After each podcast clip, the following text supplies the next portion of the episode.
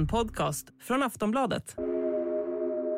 Jag stöttade Jihad emot USA, men jag var aldrig för då eller någonsin att man ska göra någonting här i Sverige. Då säger jag till båda sidorna, dra åt helvete. Jag lever mitt liv och liksom, jag kommer kämpa för mina rättigheter. Jag känner till en kille som tvättade sin eh, eh penis så mycket att det började blöda. De började... Eh, och köpa vapen och börja med började köpa vapen och rusta sig. Och, och de gick till Mecka. Till... Rad är oskyldigt anklagad. Han är ingen extremist. Det säger reporten på Ekot som fick sluta sitt jobb. Det säger hans förra flickvän som blev informatör åt Säpo. Och det säger till och med människor i hans omgivning som inte gillar honom. Men Säpo hävdar att han är en influencer för extrema åsikter. Så pass farlig att han klassats som det största hotet mot vår säkerhet på 30 år. Men vad är det han påstås vara en influencer för? Det ska vi ta reda på i det här avsnittet. För det handlar om en av islams mest omdiskuterade yttringar, salafismen. Vi ska prata om salafistjägare som försöker hitta extremister genom att studera Facebook-likes.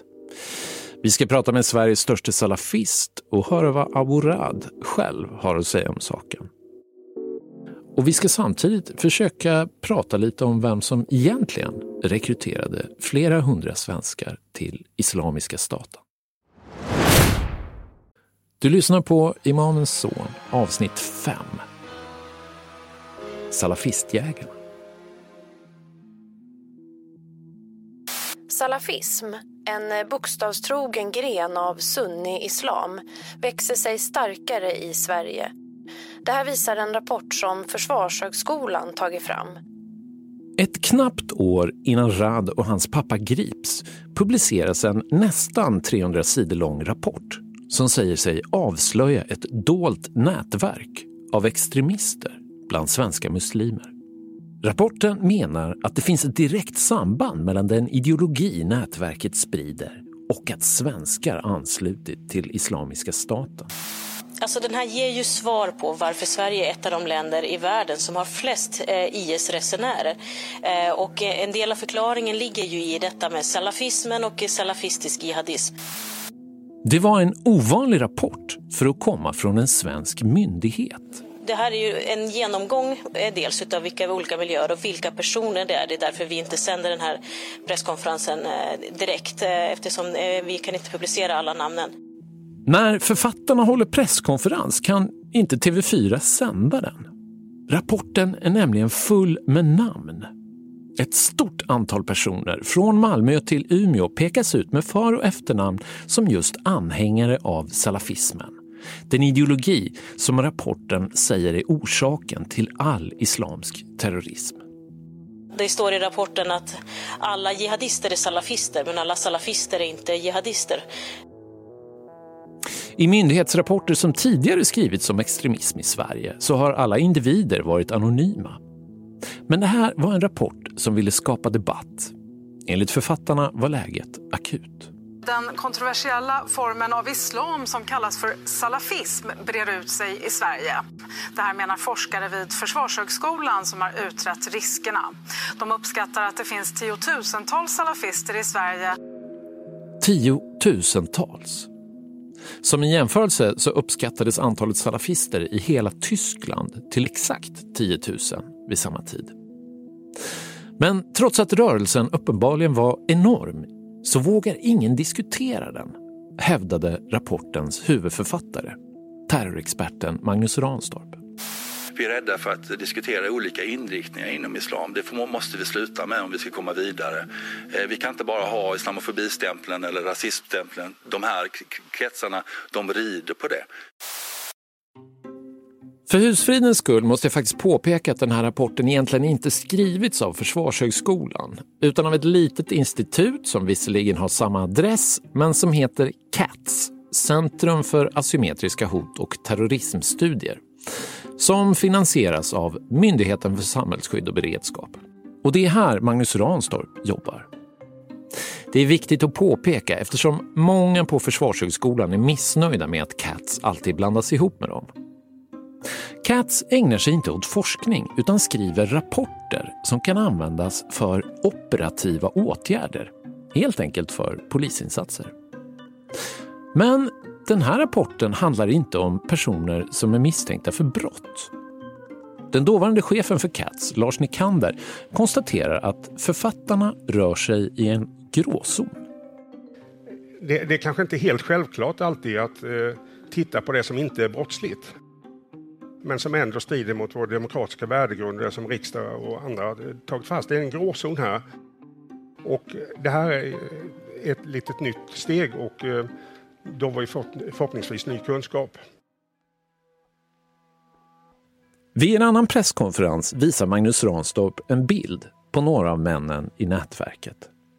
Den här bilden, uh, där förekommer vissa, inte alla, individer som, som förekommer i rapporten. Uh, och uh, gemensamt var att de ofta åker på föreläsningsturnéer.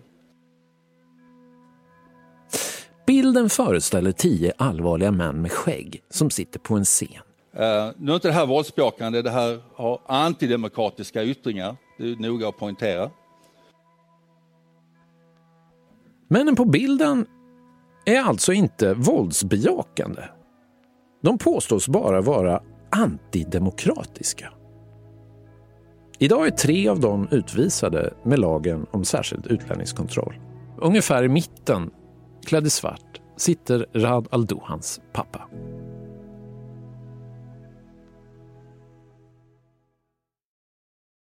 Abu Rad nämns över 90 gånger i den här rapporten. Och Rad nämns också, fast bara i en enda mening.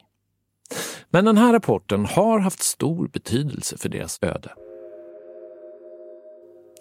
När jag efter en mycket lång sekretessprövning lyckas få ut det underlag som Migrationsverket baserade Riads utvisningsbeslut på, så ligger den nämligen där. Rapporten mellan salafism och salafistisk jihadism, som den heter. Pappans advokat Alparslan Tygel kan numera bekräfta att den användes av Migrationsverkets utredare.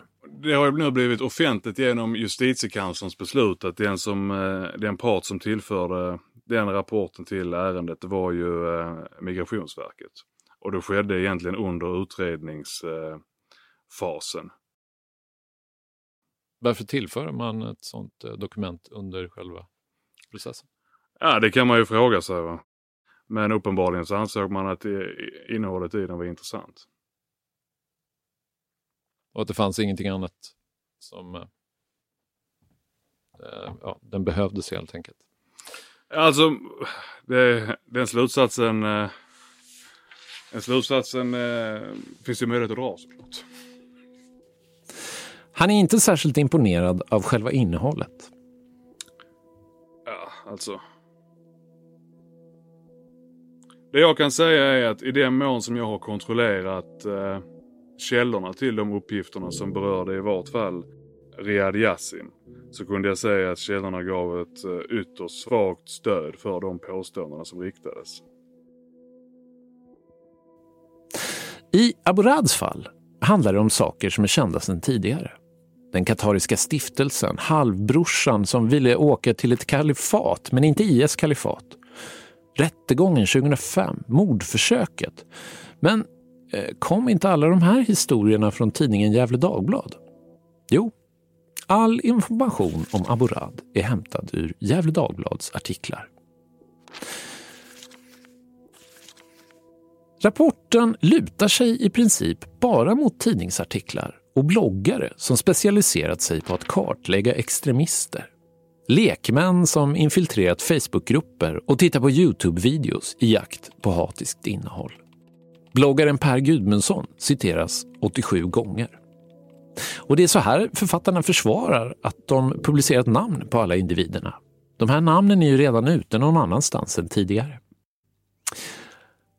Rapporten ligger även i Rad al-Duhans dossier på Migrationsverket.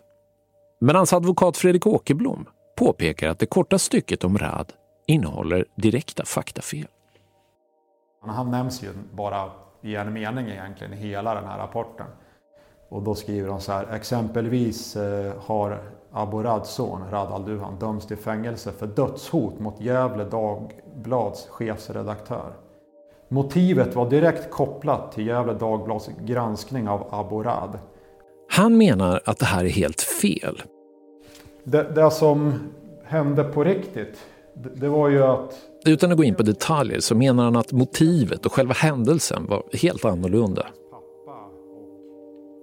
Jag tror inte man har tagit in domen eller liksom åtalet och, och läst vad som stod där. Men har man inte bättre koll på bakgrunden, har man inte fakta, då ska man inte påstå något sånt heller i rapporten tycker inte jag, för det är helt fel.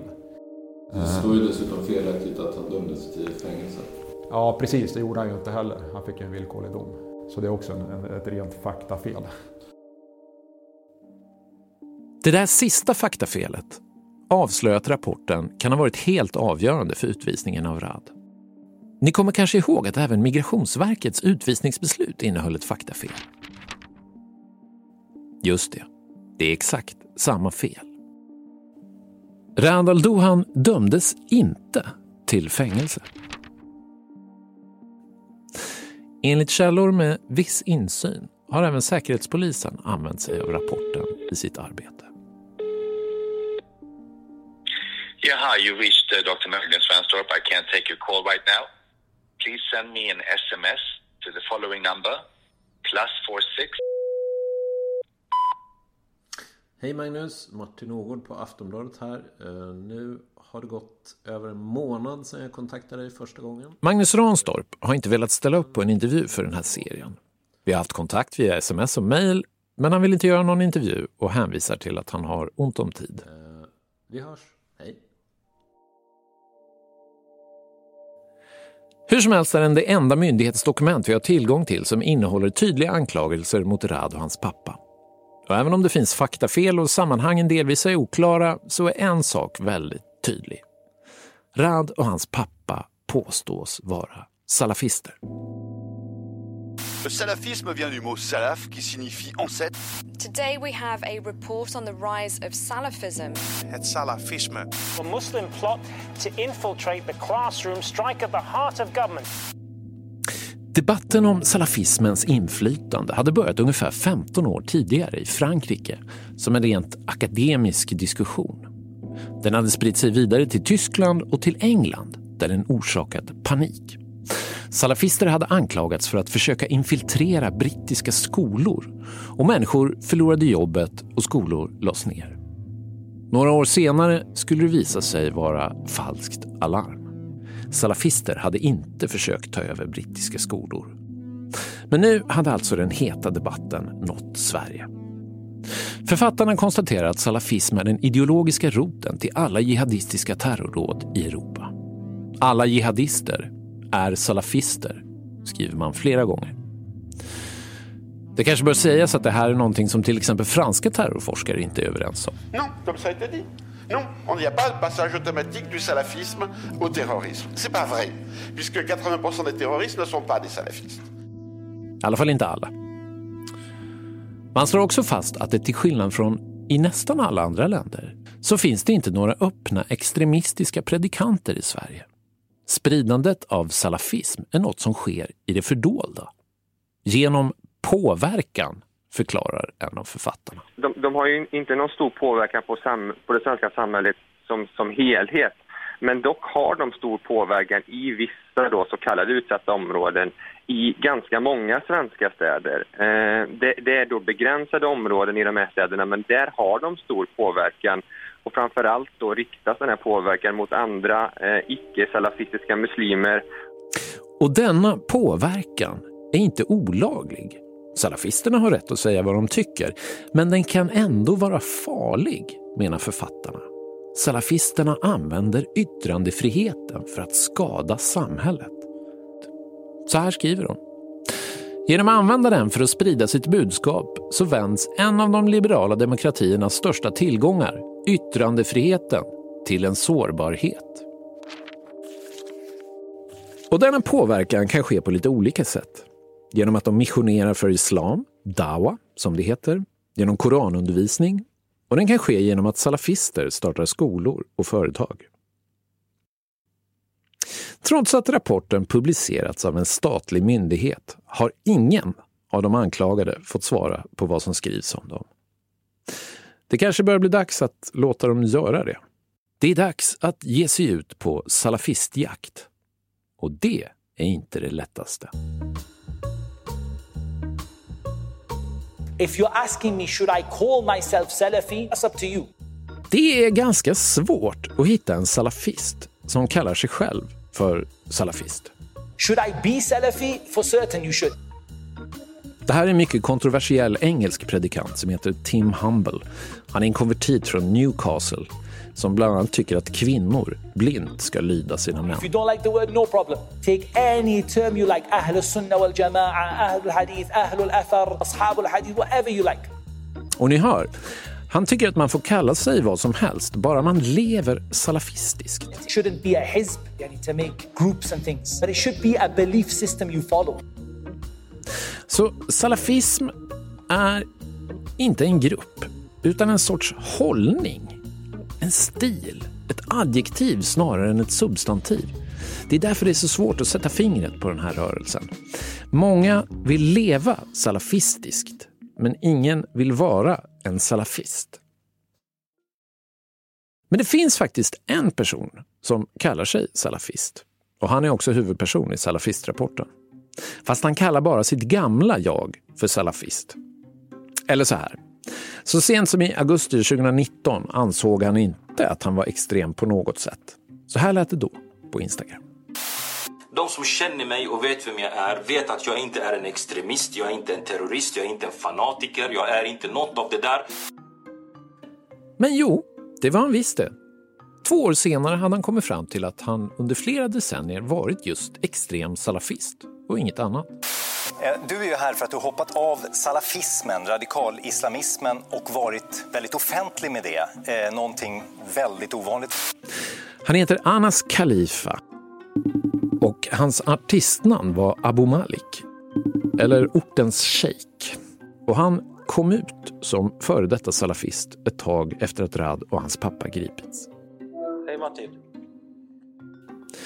Han hade grubblat över frågan i många år, men i slutändan var det Säpo som uppmanade honom att ta avstånd från sina extrema tankar. Under många år hade han varit den mest populära muslimske predikanten i Sverige. En sexbarnsfar och före detta rappare från Göteborg som 15 år gammal gick helt upp i islam efter att ha lyssnat på ett kassettband med en egyptisk föreläsare. Han flyttade till Kairo för att studera och radikaliserades. Enligt vissa blev han mer radikal än sina lärare. Han är en av tre huvudpersoner i Försvarshögskolans rapport. De andra två heter Abu Muad och SMS Bilal. Ja, SMS Bilal började sin karriär som predikant genom att skicka sms med religiöst innehåll. Men störst av dem alla var Anas. Att ha haft kontakt med honom betraktas som belastande i den här rapporten. Det gör att man kan klassas som salafist. Men den här rapporten om honom och salafismen i Sverige tycker Anas att han kunde gjort mycket bättre själv. Ja, och det, det känns att de här rapporterna kostar jättemycket pengar. Jag tror att eh, MSB betalade typ en miljon för den här rapporten om salafismen. Som jag kunde ha skrivit från mitt eget minne på 20 minuter. Jag har, jag har haft till och med möte med Försvarshögskolan och, och berättat för dem det här personligen. De skrattade allihopa. Jag sa typ att den är för fyrkantig. Den är för formell. Och den är inte så detaljerad som den borde vara. Men jag ser ingen islamofobi i dem eller någon form av islamfientlighet. Jag ser bara brister som behöver fixas lite mer. Salafismen är större än vad de har beskrivit. Det finns mer grupperingar, det finns mer inriktningar. Samtidigt så det står exempelvis eh, hur du känner igen en salafi. Han går till moskén ofta, han läser Koran, han har på sig korta byxor, han har långt skägg, han eh, slutar gå till gymmet. Han, och det, är så här, det här är också lite farlig väg att gå. För det kan finnas folk som gör de här sakerna som inte är salafister. Nej, alltså vissa salafis de slutar gå till gymmet för att det finns beblandning mellan kvinnorna. Män och, män och kvinnor och det finns musik. Så de får inte lyssna på musik och de får inte heller ha med tjejer att göra eller sådär. Jag måste bara flika in att Radal Dohan under många år drev just gym. Ett i Umeå och ett i Gävle, där det tränade tjejer och spelades musik och dansades. Han ville ha in tjejerna för att det skulle visa deras föräldrar att de missförstått islam. Och det är verkligen fy skäms för en salafist. Okej, en parentes bara. Men, men skriver man så i en rapport, det, det är lite farligt. Du vet.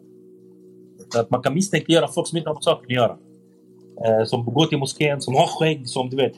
Idag är det ju lite så mode att ha skägg. Du vet, så. Eh, man, man måste nog... Eh, för att veta om en person är salifi på riktigt så behöver man prata med den personen, det kan jag garantera dig. Men att kläderna hamnar i fokus är kanske inte så konstigt. Salafism är oerhört förknippat med just en viss sorts kostym. Ja, alltså det, det är som ett gäng. Förstår du? Du, du förstår att om man är ung, man söker tillhörighet. Man söker identitet. Antingen hittar du ett gäng, du hittar ett fotbollslag, du hittar ett musikband. Och så börjar du klä dig, prata, gå, ha den stilen. Eh, så bara det att nu du råkar bli religion. Eh, för att många unga, det är klart att de tycker det är utmärkande att gå runt med en särk, med en speciell mössa på huvudet, med det här skägget och vi alla ser likadana ut. Det blir någon form av enhetlig grupp. Det, för mig är det precis som att jag skulle se ett gäng punkare. Men rapporten prickade rätt på honom själv i alla fall. Han var verkligen salafist, säger han idag. Hade de prickat fel på mig så är de riktigt misslyckade. Så jag, jag, jag menar, jag, jag, var väldigt offentlig och tydlig i mina åsikter och sådär. Så att för mig det var inga problem. Jag störde mig för att på grund av den rapporten så fick min fru sparken från sitt jobb. Hon var barndagvårdare. Men när jag nämndes i rapporten och liksom de upptäckte att vi bodde på samma adress så fick hon, blev hon av med jobbet. Den stora ironin här är att hans fru skulle vara väldigt viktig för att han lämnade sina extrema åsikter. Det var hon som fick honom att ta steget i slutändan. Det visade sig att hon under alla år hade lyssnat på musik i smyg och att de gick och röstade i smyg, trots att han påstod att det var mot islam. Men andra personer i rapporten har inget där att göra, tycker han. De är inte så lika eh, offentliga som mig, lika tydliga som mig. Man vet inte riktigt vad man har dem. De ändrar sina åsikter, de utvecklas, de blir äldre och så är den här rapporten kvar. Och nu måste de, du vet, kanske gå ut och prata om det fastän de har ändrat sig för länge sedan. Så att det blir lite problematiskt där. Sen finns det faktiskt en del av dem som inte är salafister alls.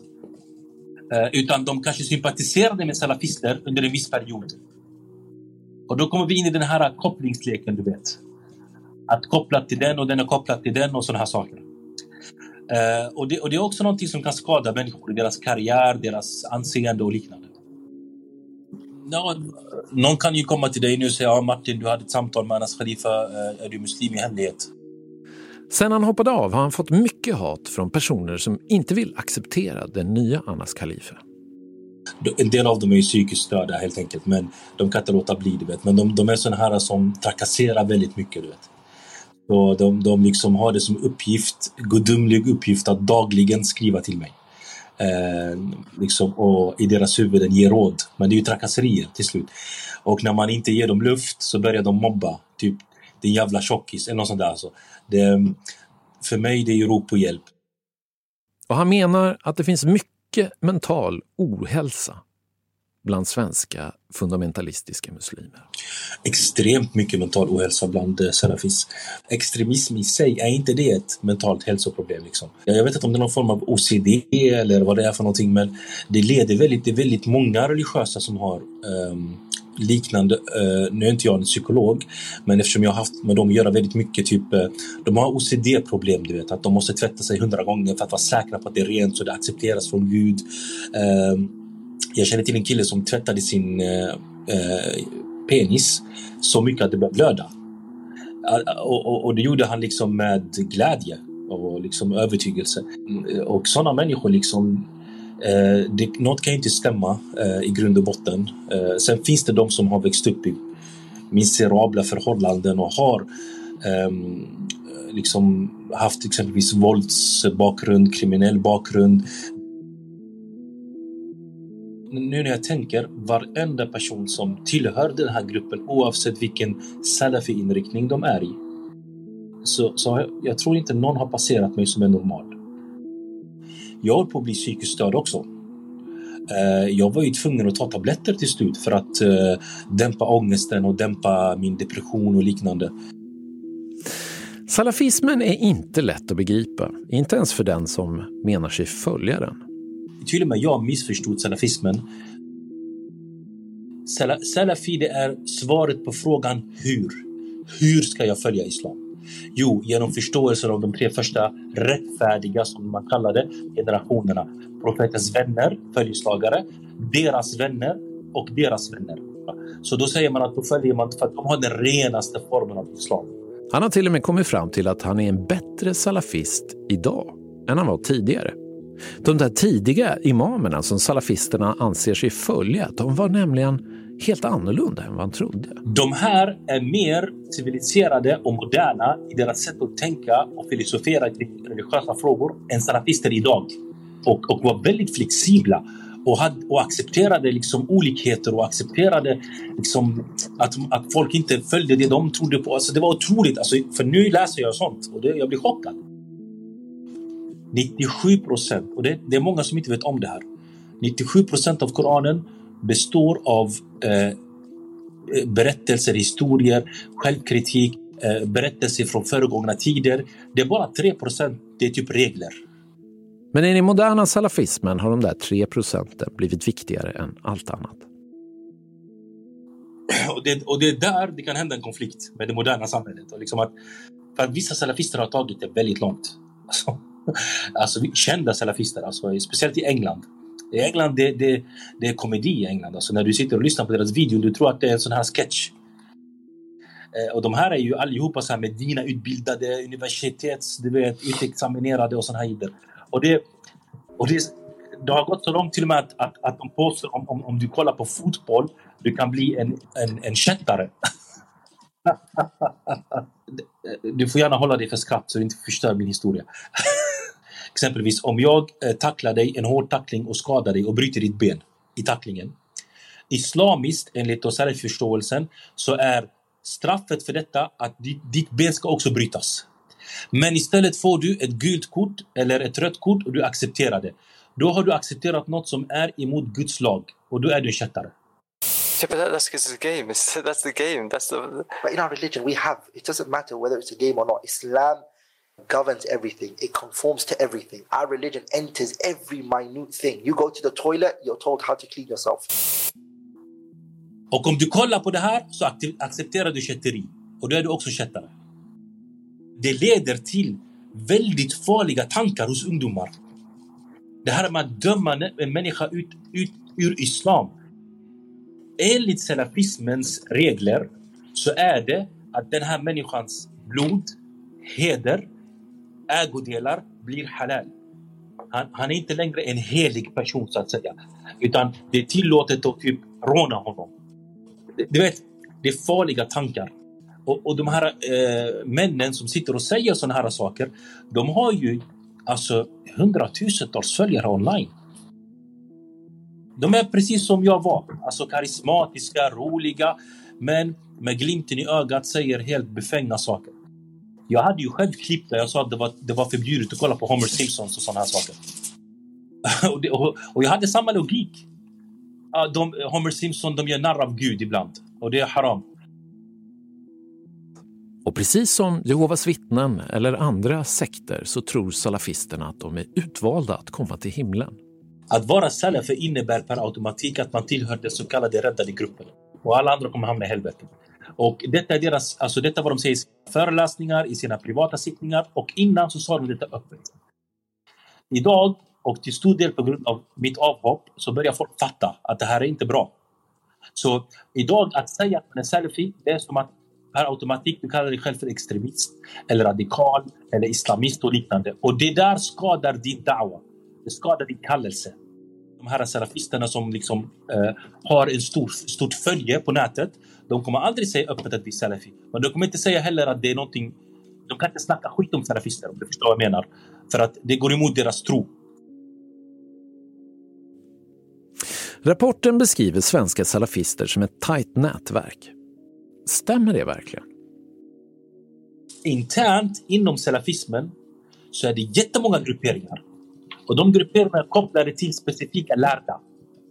Typ om det är exempelvis fem lärda och allihopa är salafister men de har olika åsikter om andra lärda. De gillar inte varandra. De börjar tjafsa med varandra och alla har sina egna följare. Och de har genom tiderna kallats för olika saker. Olika begrepp och så där, beroende på den, den lärda de följer. Och inom dem så, så det är mycket konflikter. Eh, det finns ju jihadi-salafister. Jihadi-salafister är inte nödvändigtvis jihadister i den bemärkelsen att de krigar. Det de har gemensamt är att de är emot Saudiarabien och Saudiarabiens kungahus. Precis som Osama bin Laden var. Men inte ens de mest extrema är en särskilt enhetlig grupp. Och inom dem finns det konflikter. Exempelvis Isis är salafister, men de är jihadi-salafister. Här kommer ett inspel. Det finns kända terrorforskare som bestämt invänder mot att IS är salafister. Men vi ska inte komplicera saker i onödan. För det här är väl ganska enkelt, eller? Och sen finns det de som är ännu grövre än Isis, som tycker att Isis är för svaga och för eh, fega, så de vill döda Isis också.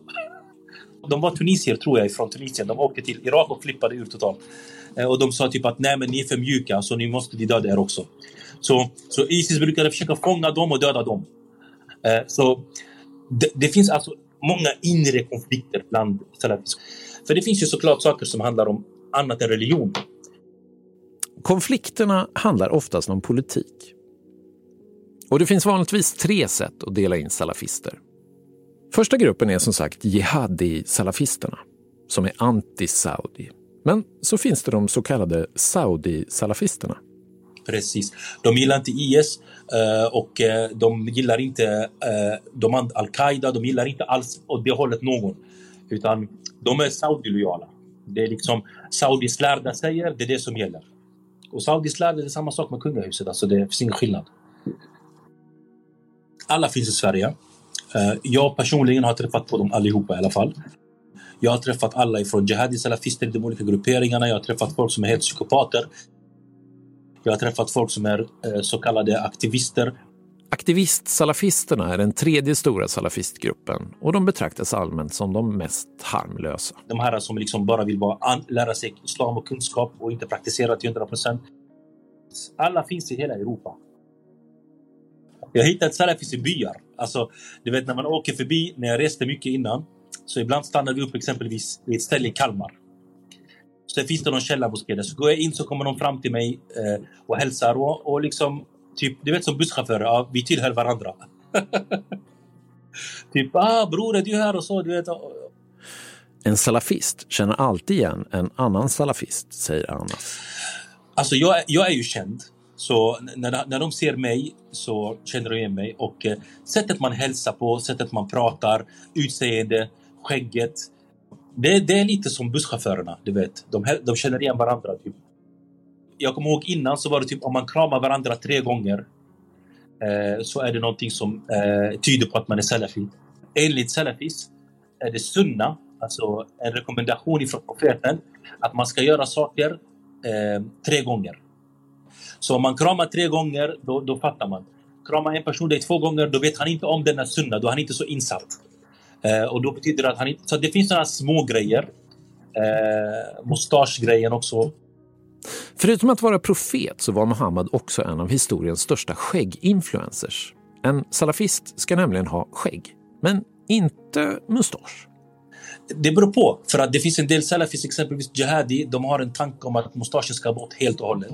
Andra, de anser att nej, det ska finnas lite kvar för att vi inte ska likna de som är jihadi. Jihadi salafis brukade har långt hår. Eh, sen vissa andra ändrade sig. För grejen är så här. En, en, en så kallad eh, Saudi salafi, han får inte efterlikna en jihadi salafi. Förstår du? så om jihadi salafis börjar ha långt hår och ta bort mustaschen, då kan hans lärare säga till honom Lyssna, du kan inte gå runt och se ut som en jihadi. De säger till och med att om du ser en, en jihadi salafi på gatan så ska du gå över till andra sidan gatan och inte hälsa. Så jag kunde exempelvis komma in i Stockholm till vissa moskéer och jag ser en bror med skägg. Han ser ut som mig. Men han ser konstig ut, han vill inte kolla på mig. Då fattar jag att han där tillhör en annan salafi. Jag går fram bara för att vet, jag är en sån person, jag idrar mycket. Så jag gick fram till honom, typ assalamu alaikum. Och det, han tittar på mig så i ögonen och sen tittar bort med jätteilskna blickar och gör så här. Du vet, att jag, jag hälsar inte på dig, ditt, ditt djur. Och tills idag, de skriver till mig, dessa saudi-salafister, att eh, din lögnare, du var inte salafi, du var khawarij. Du tillhörde al-Qaida. Grupperna har så stora motsättningar att det är svårt att prata om dem som en enhetlig rörelse. Men vad var Abu Rad enligt Anas? Nej, Abu Rad är jihadi salafi. Han är emot saudi-salafister. Ja, nej, hans relation till Saudi är att han var där på flyktingläger där i, med alla de här andra imamerna. Han, det som gör Abu Raad speciell det är att han fick träffa eh, salafisternas stora lärda som levde då under 90-talet. Så det är det som gör honom speciell här i Sverige. Det är därför man säger att han är den största imamen. För att han fick träffa de här som influerade hela salafismen i hela världen. Eh, som var eh, backade av Saudiarabien med deras oljepengar. Ibn Baz, Ibn Uthaymin och andra lärda i Saudi. Så när han fick träffa dem, då fick han väldigt stor status av Iran när han kom till Sverige. Och Gud vet, ingen vet ju exakt hur mycket han har studerat, hur många gånger. Han kanske bara träffade dem på en fika, jag vet inte. Men då liksom fick han väldigt stor status. Aborad säger just det, att han träffade Sheikh Ibn Baz en enda gång på en kort liten träff i Mecka 1992. Han ska få berätta om det själv snart. Jag kan villigt erkänna att för mig blir saker snurriga redan här. Ibn Baz var alltså stormufti i Saudiarabien fram till 1999. Han var Saudiarabiens store imam. Osama bin Laden avskydde honom. Och Aborad säger i förhör att han följer Hanbali-skolan av islam, vilket är den saudiska rättsskolan. Jag är en jättedålig islamolog, men borde inte det göra honom mera saudi än jihadi? Det är lika bra att erkänna. Allt det här är extremt komplicerat. Islams grenar är inte lika tydliga som kristna kyrkor och att försöka kartlägga människors åsikter och tro är i princip omöjligt om man inte frågar dem själva. Men Anas var i alla fall en jihadi salafist. Och han säger idag att han träffat beväpnade jihadi-salafister i Sverige en gång. I det som kallades Jihadihuset, en lägenhet som låg i Rinkeby. Nästan alla som åkt till IS eller Somalia har varit där, säger Anas. Han blev inbjuden efter en föreläsning i Stockholm. Det var en vanlig lägenhet, men det, var, det fanns inga möbler. Eh, det fanns mattor och lite kuddar eh, och madrasser. Eh, och de hade ett rum som var full med stulna varor. De, de höll på med häleri. Det här är såna extrema jihadi-salafister. För de anser det vara tillåtet att, att råna Sverige och sådana saker. När, när jag kom dit, jag hade ett rykte om mig, du vet, för att jag var inte en saudi-salafi. Och jag var, inte- så att de tänkte den här killen, han är sån som säger sanningen, han, han håller med jihad och sånt, förstår du? Så det var enda anledningen till att de tog mig. Och jag satt där, och det var, de flesta var ungdomar. Och plus att många av dem var barndomsvänner till mig som hade radikaliserats ganska grovt. Och jag var själv väldigt radikal. Så vi sitter där i en stor ring, kanske 12-13 personer. Eh, och eh, allihopa är jihadister. En av dem, han har en väska. Han, eh, han tar fram och lägger framför sig vapen. Och då får du komma ihåg att jag stöttade jihad emot USA, men jag var aldrig för då eller någonsin att man ska göra någonting här i Sverige. Så jag var inte över, jag, Sverige, liksom till och med bin Laden själv sa, varför kan inte andra länder vara som Sverige? Alltså, förstår du? Alltså, för mig var det typ, Sverige är inte ett problem. Så jag var väldigt förvånad över att han hade det här vapnet. Så jag tittade på honom och sa, varför har du vapen för?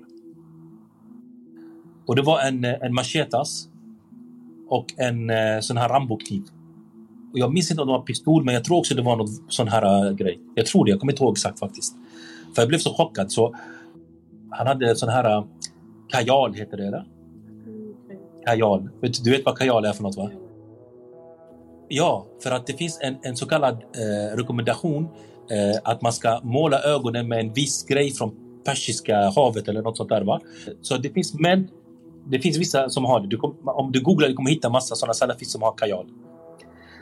Så han, hade, han, hade, han har gått, in, gått all in, du vet. Och då, då säger jag till honom, vad har du vapen för? Så han säger till mig, det är sunna. Sunna, han säger det är profetens väg. Så jag säger, hur, hur är det sunna? Jag förstår inte. Så han bara, vadå? Profeten hade vapen och han bärde vapen och sahaba, profetens vänner bärde vapen och sånt. Jag bara okej, okay, men alltså det var då. alltså, alltså du, du får tänka på att jag var radikal själv. Men jag kunde inte riktigt förstå logiken. Jag bara, men det var då liksom. Det var i arabiska halvön, alla hade vapen. Det var... Jag bara, men tänk om du blir stoppad i tunnelbanan. Du vet, när du, när du betalar. Och då säger han till mig, jag betalar inte. Det är haram. Och det, du vet, sådana här människor, Martin. När det är rött ljus, de kör mot rött för att man får inte stanna vid rött ljus. Man får inte lyda andra än Gud. Alltså, det, det är på den nivån alltså. Han med vapnet stack till krig och sånt. Jag vet inte, tror han är död.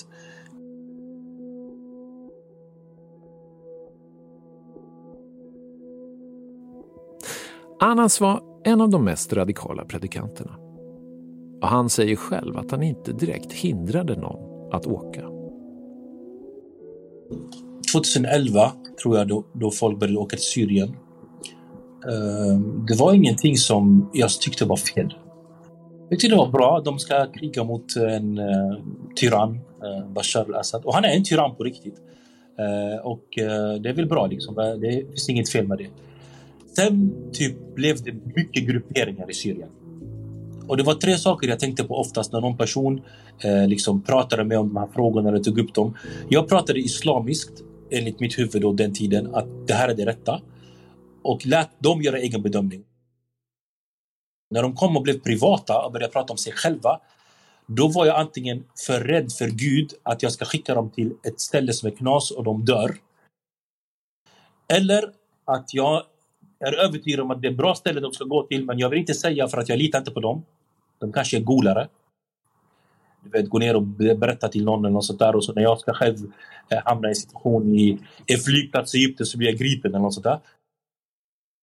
Mm. Och sen det tredje så tydligt så jag var inte övertygad att vissa skulle åka ner.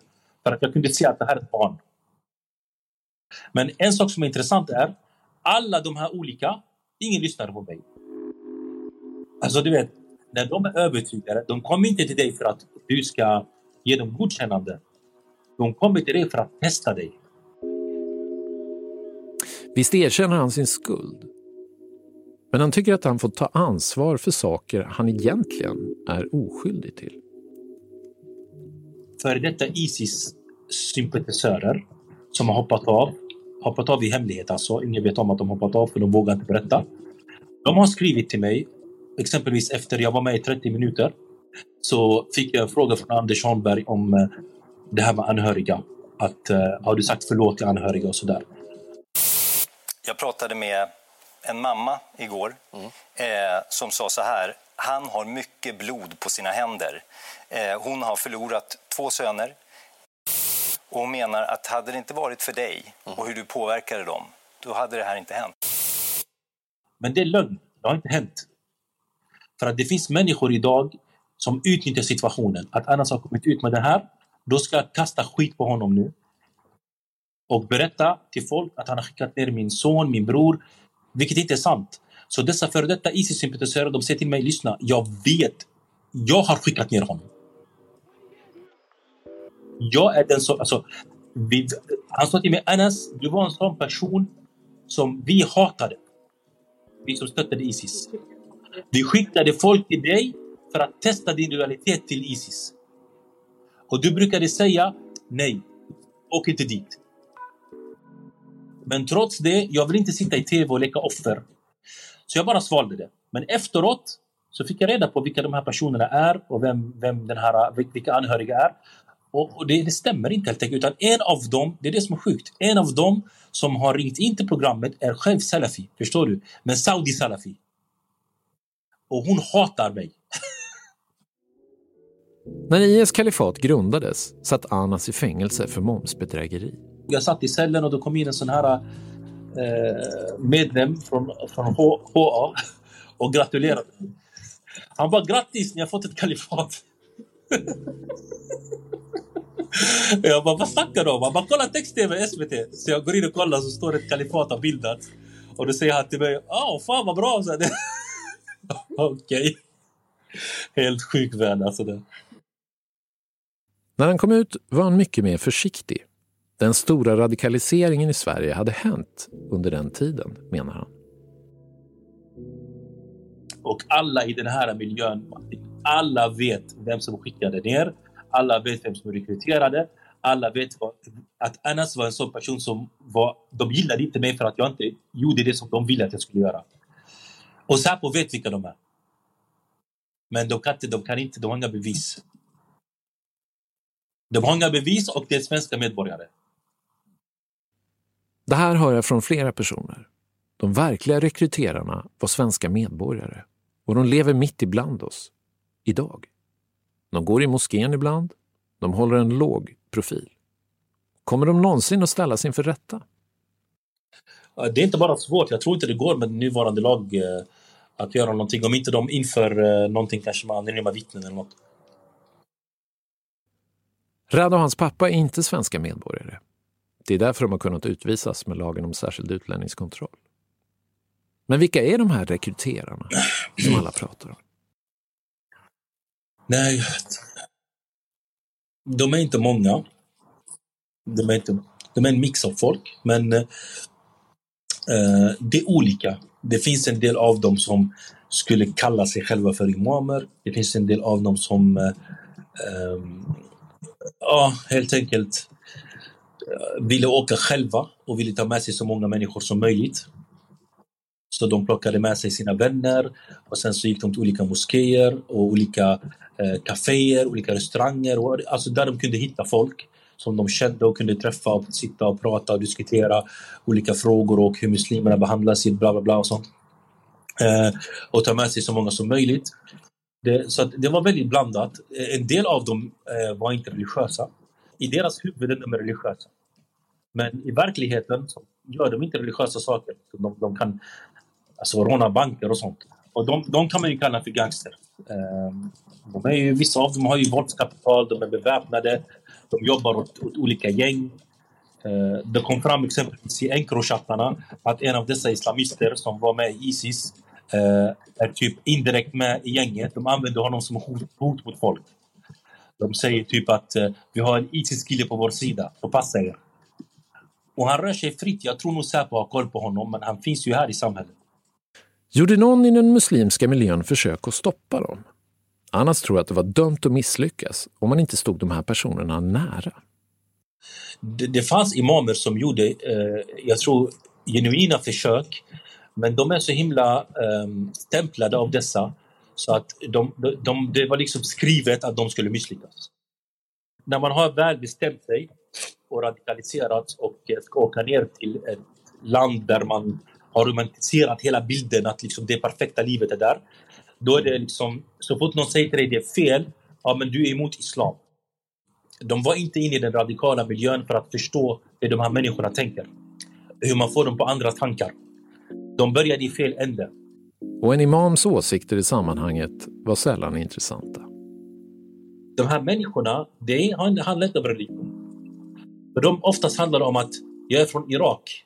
Kolla vad USA har gjort med mitt land, typ. Alltså det är mer politik det handlar om.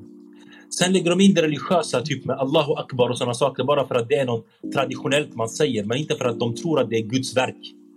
Så detta vet jag för att jag, jag vet hur de här människorna tänker. När Anas avhopp blev offentligt så orsakade det såklart kaos i den svenska muslimska världen. Rad Alduhan, som träffat Anas flera gånger, var inte glad över att han börjat peka finger åt andra människor. Säg till om ljudet inte hörs bra. Rad verkar lite dubbel. Han har tidigare försvarat Anas kalifa, särskilt hans avhopp, men eh, inte längre. Att hans pappa skulle vara jihadist-salafist är orimligt, tycker han. Rad är en av dem som menar att Anas Khalifa försöker rädda sitt eget skinn. Alltså så här är det. Min pappa har aldrig varit en person... Det är klart, han önskar att jag var liksom mer liksom religiös och praktiserande muslim, absolut. Men eh, att vara liksom salafist eller jihadist eller extremist jag tror då skulle jag ha haft mycket dålig relation med tanke på att jag har haft tjejer i mitt liv. Jag är en person som har festat lite då och då. Visst, jag dricker inte, jag är nykterist, men han vet att jag röker vattenpipa, han vet att jag lyssnar på musik, han vet att jag går ut. Alltså, han kan kommentera att liksom vissa saker säga åt mig som pappa, men jag tror alla som vet vad en extremist eller en liksom radikal salafist är skulle inte tillåta hans döttrar att ha körkort och jobba och, eller hans son är liksom får göra sina egna val. Du vet att jag har fått så mycket skit genom åren, alltså så mycket skit att eh, jag inte är religiös, att eh, eh jag har till och med blivit, blivit eh, fått höra från nära vänner han, du, de säger, du vet att många tror inte att du är din pappas riktiga pojke. Men, ni, men du, du kände Anas under tiden då han, då han var radikal? Eller? Absolut. Jag har träffat Anas, jag tror vid två eller tre tillfällen. Eh, ett tillfälle så var jag Eh, ansvarig för, ett, för eh, sportaktiviteterna i ett ungdomsläger uppe i Umeå och då var han där.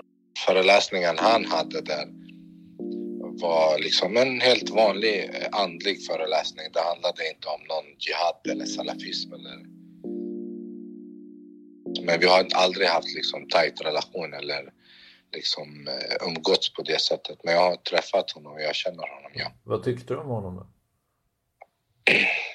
Anas, eh, han har liksom svävat till och ifrån. Han, eh, han har varit ganska rolig i sina föreläsningar. Eh, den här radikala biten som han pratar om och som andra har sett har inte jag sett. För att eh, som sagt, jag har ju inte hängt så mycket i de här kretsarna. Eh, för i dessa ungdomsläger eh, pratar man liksom mer om att vända sig till Gud, inte hålla på med droger och så vidare. Eh, han har gått igenom svåra stunder i sitt liv. Det har slagit hårt på honom. Eh, förvirringen som han har i sitt liv, eh, de motgångar han har haft har skapat en förvirrad människa som snackar en hel del skit. Han har ett ego. Vad menar du då? Men Anas vill alltså, han vill lägga sig i allt och liksom han har lösningen, han vet. Eh, han tror han har lösning på allt och det stämmer inte. Enligt flera personer var just det där lägret i Umeå viktigt för vad som hände sen. Det var nämligen på det där lägret som det så kallade nätverket i salafistrapporten lärde känna varandra. Var det en, en mötesplats för salafister? Det stämmer inte. Alltså det här att, att det är en mötesplats för salafister det, det stämmer inte.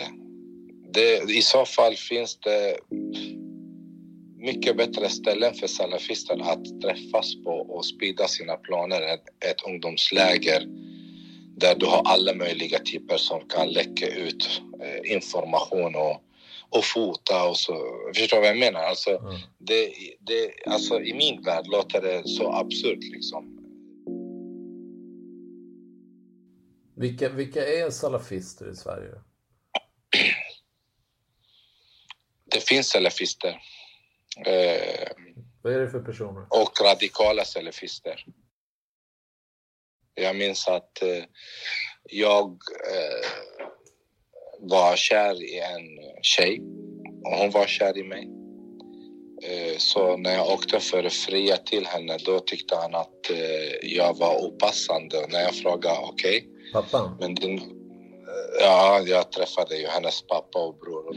Jag trodde förut av okunnighet att när man såg så här radikala islamister eller salafister då tänkte jag man syftade bara på religiösa muslimer. För jag var ju okunnig alltså. Det var helt nytt för mig. Och då hennes pappa han bara, du jobbar med icke-muslimer. Och då skrattade jag. Ja, det gör jag. Han bara, ja, och i din klubb är det beblandat, tjejer och killar. Jag bara, det stämmer. Och, ni, och du lyssnar på musik, det är musik i, din, i dina klubbar, liksom, i, dina, i din verksamhet. Ja, absolut. Ja, men då är du fel person i, liksom, i min familj och fel man för min dotter. Eh, enligt islam och så började han predika för mig. Då sa jag till honom, det här betyder att du lever i fel land. Det betyder att alla muslimer som jobbar som läkare och behöver undersöka en kvinna eller en kvinna som är läkare och undersöker män, det är haram för dem att jobba. De som sitter i bussen eller kör taxi och liksom hör, hör på radio och det är musik där, det är också haram för dem att jobba. Så jag tyckte det var så absurt. Och det var för första gången i mitt liv jag upptäckte att det på riktigt finns radikala salafister. Och jag kan säga så här. Där har jag svårt att se min pappa. Jag är uppfostrad utifrån en grund hemma hos min pappa och det är liksom Islam är en stor religion. Den har fyra olika skolor. Den har många olika grupperingar. Eh, du måste bara visa respekt och hänsyn. Att människor tycker olika, tänker olika. Du kan inte säga att du har rätt och alla andra har fel. Och så har det alltid varit hela min uppväxt. Jag menar ju än idag, jag känner många som är väldigt religiösa som liksom blir jätteförvånade att jag liksom eh, kan sitta på middag med en som är homosexuell men det är en kollega till mig eller det är någon som tränar hos mig. Han är precis som alla andra liksom. Men det är bara det att han är homosexuell och du vill vara bokstavstrogen. Han kan må dåligt precis som du. Jag får skit för att jag är inte så eh, troende eller praktiserande. Eh, och, och, jag är en son till liksom en stor imam eller en, en välkänd imam. Eh, och, och, så får jag skit för att eh, Säpo tycker att jag är intressant för dem för jag på något sätt känner, eh, som de sa i första avslaget, att jag har för stort nätverk. Det var det första som jag fick veta från Säpo 2011. Avslaget handlar om en medborgarskapsansökan. Det är bokstavligt talat för stort nätverk. Och då undrar man så här, här tycker ni att jag är säkerhetshot? Och så här står muslimerna och, och tycker att det är jättekonstigt att jag inte är religiös när jag är imamens son liksom. Då säger jag till båda sidorna, dra åt helvete. Jag lever mitt liv och liksom, jag kommer kämpa för mina rättigheter. Tror du Anas eh, Khalifa har påverkat många uh, ungdomar? Uh, nej, de Anas har påverkat säkert uh, väldigt, väldigt fåtal. Väldigt fåtal. Jag står fast vid det jag sa från första början för jag har själv jobbat med barn och unga. Jag har själv liksom eh, kämpat hårt emot all typ av våld, om det är i religionens namn eller om det är liksom eh, i syfte för andra saker. De flesta som åkte blev hjärntvättade och påverkade genom sociala medier. Eh, det är där allting skedde, det mesta. Eh, annars så kanske säkert några till som jag inte känner till. De kan inte ha gjort så stor påverkan, absolut inte. Jag hade en kompis som vi spelade fotboll väldigt sällan, en gång per år kanske när jag besökte min farmor i Örebro. Killen älskade att hålla på med liksom eh, film och redigering. Jag kunde direkt se under en väldigt, väldigt, väldigt kort period på bara två, tre månader hur hans inlägg började. Någonting hände där och jag visste att det var någonting som hände i hans liv tills jag fick höra att han hade stuckit till, till eh, Irak, alltså till IS och att han dog där. Jag vet att han inte var någon annars anhängare liksom. Så att jag tror mycket skedde via internet eh, och via olika plattformar där. Om man såg att någon, wow, här är någon som håller på att bli eh, farlig och kanske vill kriga. Mm. Vågade man ta kontakt då? Eh, tänkte du på mig? Jag som person har aldrig varit rädd för att prata med en sån person. För att eh, vi lever i yttrandefrihet, vi lever i demokrati, åsiktsfrihet. Eh, speciellt jag som har jobbat som ungdomsledare. Jag har träffats, träffat många kriminella. Jag har träffat många som eh, säkert anses vara liksom farliga på olika sätt. Kanske även sådana som Säpo har synpunkter på. Men jag vet ju inte det. Jag ser bara en människa som behöver hjälp, som behöver vägledning, som behöver prata ut, som kanske har dumma åsikter och behöver någon som eh, liksom eh, lyssnar och sen ger råd. Men efter 2019 föll hela den bilden jag hade. Då förstod jag. Det här landet styrs av Säkerhetspolisen. De gör vad fan de vill. Det krävs inte alls mycket för att de ska klassa dig som ett säkerhetshot eller för att de ska liksom låsa in dig och utvisa dig och liksom eh, eh, svenska rättssystemet sitter i knäna på dem. Efter det har jag varit väldigt, väldigt, väldigt försiktig. Eh, och det är för min egen skull, för att jag är pappa. Ehm, otroligt att man väljer att döma människor utifrån att ja, men du träffade Martin. Ja, ja men han är artist. Ja. Ja, men du är muslimrad. Ja. Det betyder att du delar tankar. Alltså, förstår du vad jag menar? Ska jag bli halshuggen av... Förstår du? Alltså, det är helt otroligt.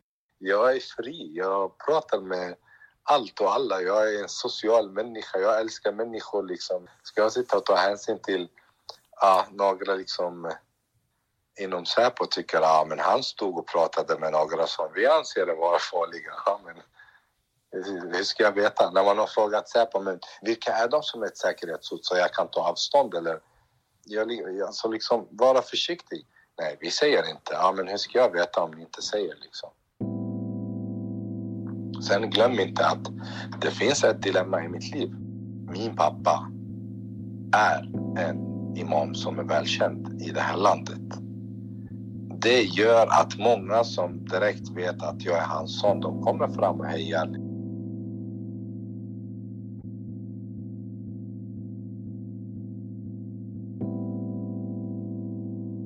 För Abu Rad börjar den moderna salafismen med ett blodbad. Alltså, salafist är en eh, grupp som började synas eller började växa. Fanns i Saudiarabien 1900, ungefär 79. Ett blodbad som skulle forma de motsättningar vi ser i salafismen idag. 79 av 70-talet. 1970. En grupp, en grupp. Han bodde själv i Irak. Men nyheterna som kom från den heliga staden Mekka var fruktansvärda. Eh, jag har läst om den för att jag var i Irak i den här tiden. Men eh, det en grupp i universitetet i Medina. En liten grupp studenter vid universitetet i Medina hade börjat missionera för islam. Och de pratade så mycket om de rättfärdiga, om salaf, att de helt enkelt kallades för salafister. De är en liten grupp. De säger vi är riktiga muslimer. Som de tyckte att de var den sanna islam och den rätta eh, islam. Ja. Var det någonting som drev på dem politiskt? Mot, mot, mot regeringen i Saudiarabien. Ja. Börja med denna först. De är uh, diktatorer och de bara en, en familjen och de bestämmer för överallt. Ja, de började uh, vara mot regeringen för att de tyckte att regeringen i Saudiarabien var diktaturer. Det är en familj som styr allt. Det är, en Nej. familj. det är som att du ärver. Nu, det, det, det är normalt, alla människor förstår denna. Men vad problemet? De fick en teorier mot eh, islamsk teorier. De tolkar fel, stor fel. Ja, de eh, tolkar allt på fel sätt. ja. Den lilla gruppen radikaliserades snabbt. De bestämmer sig att islams Messias, eller Mahdi, hade fötts och att det var en kusin till studenternas ledare. Denna Mahdi heter Muhammad ibn Abdullah. Som profeten heter Muhammed ibn Abdullah. Och han ska vara Muhammed ibn Abdullah. Men tiden inte passar honom. Det är inte, det är inte så. Eh, en, en av dem drömde om att eh, eh, den här personen är al-Mahdi. Och då hade även hans fru fått en likadan dröm.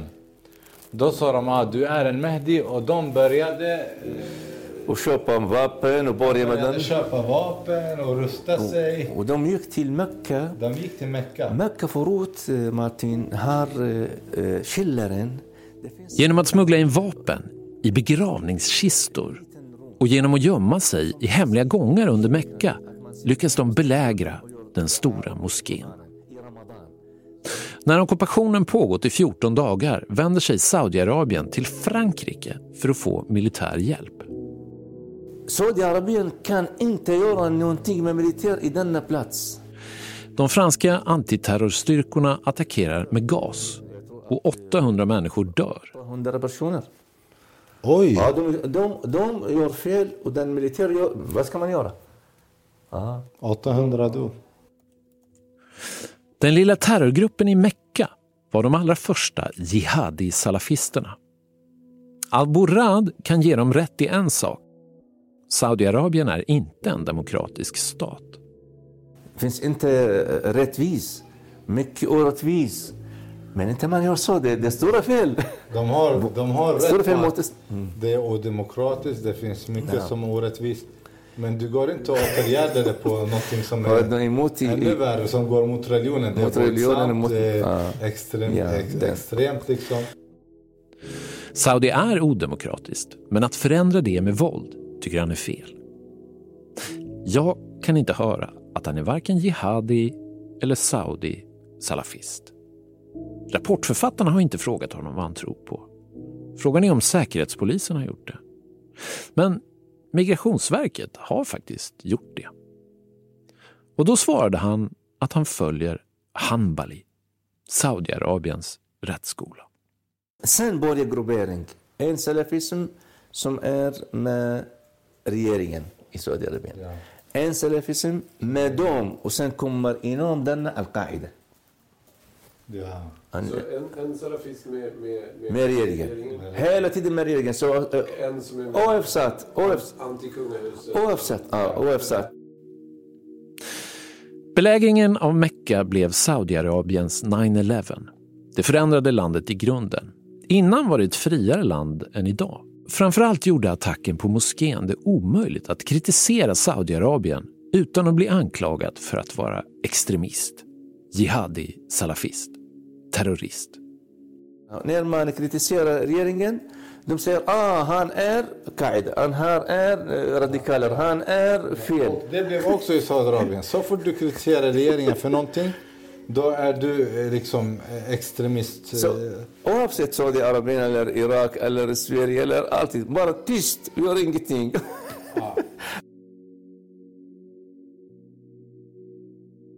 För honom är det nästan omöjligt att ha en politisk åsikt om Mellanöstern utan att stämplas som salafist. Kritiserar du Saudiarabien? Då stämplas du som al-Qaida. Kritiserar du inte Saudiarabien? Då stämplas du som wahhabist.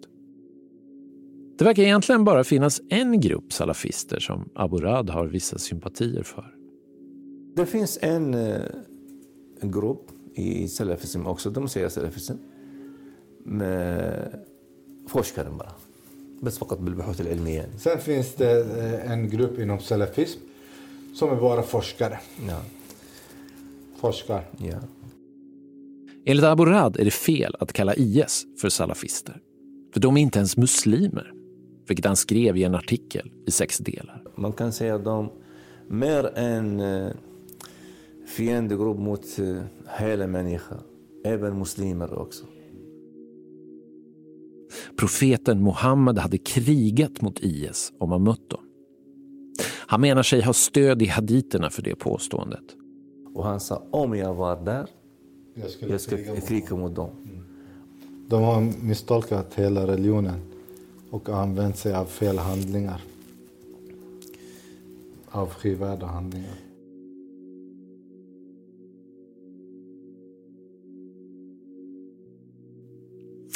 Men även Abodrad tycker att man bör prata med människor som håller på att radikaliseras. Absolut. Alla sebab. Det är ju det som är orsaken att vi har blivit indragna i det här är på grund av att vi försöker vägleda till eh, rätta människor så att de hamnar på bättre banor och så vidare. Ena människor kring det som är bra.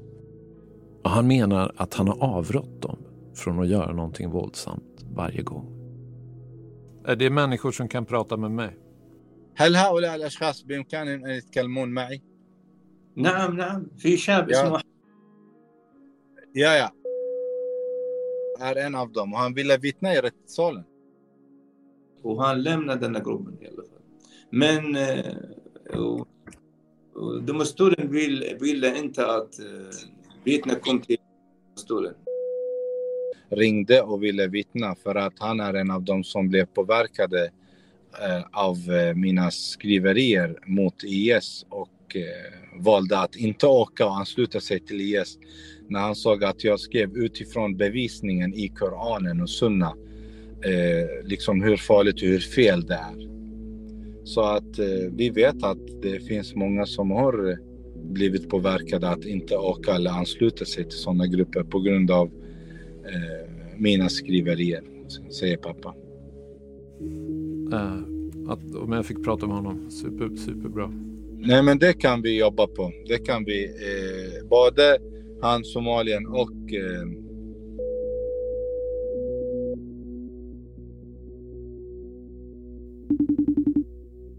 Jag får prata med Somalien. Han vill vara helt anonym. Men han bekräftar det Aborad säger. Han ville strida i Somalia. Aborad sa att han inte skulle göra det. Men han åkte ändå. Fast det var ingen jihadistisk kamp han ville föra, säger Somalien. Han säger att han är nationalist. Han ville slåss för sitt land. Mannen som döljer sig bakom får jag aldrig tag på. Hur var det då med Aburad och imamen Ibn Bas, Saudiarabiens store salafist? Aburad säger att han träffade honom en gång. 1992. När han bodde i flyktinglägret i Saudiarabien arrangerade myndigheterna en pilgrimsresa till Mecka. Jag träffade dem bara en gång i, när jag var i Hajj. Ibn Bas hälsade på gruppen med pilgrimer. det här var som en gåva man fick av eh, alltså, Sa- Saudien. Och det är där man kunde träffa på de olika imamerna. Exakt hur länge mötet pågick vet vi inte. Kanske inte så länge eftersom Ibn Bas var runt 80 år vid tillfället. Det är uppenbart att den där hälsningen i Mecka som gav Aburad så stor status när han kom till Sverige till slut blev hans största belastning.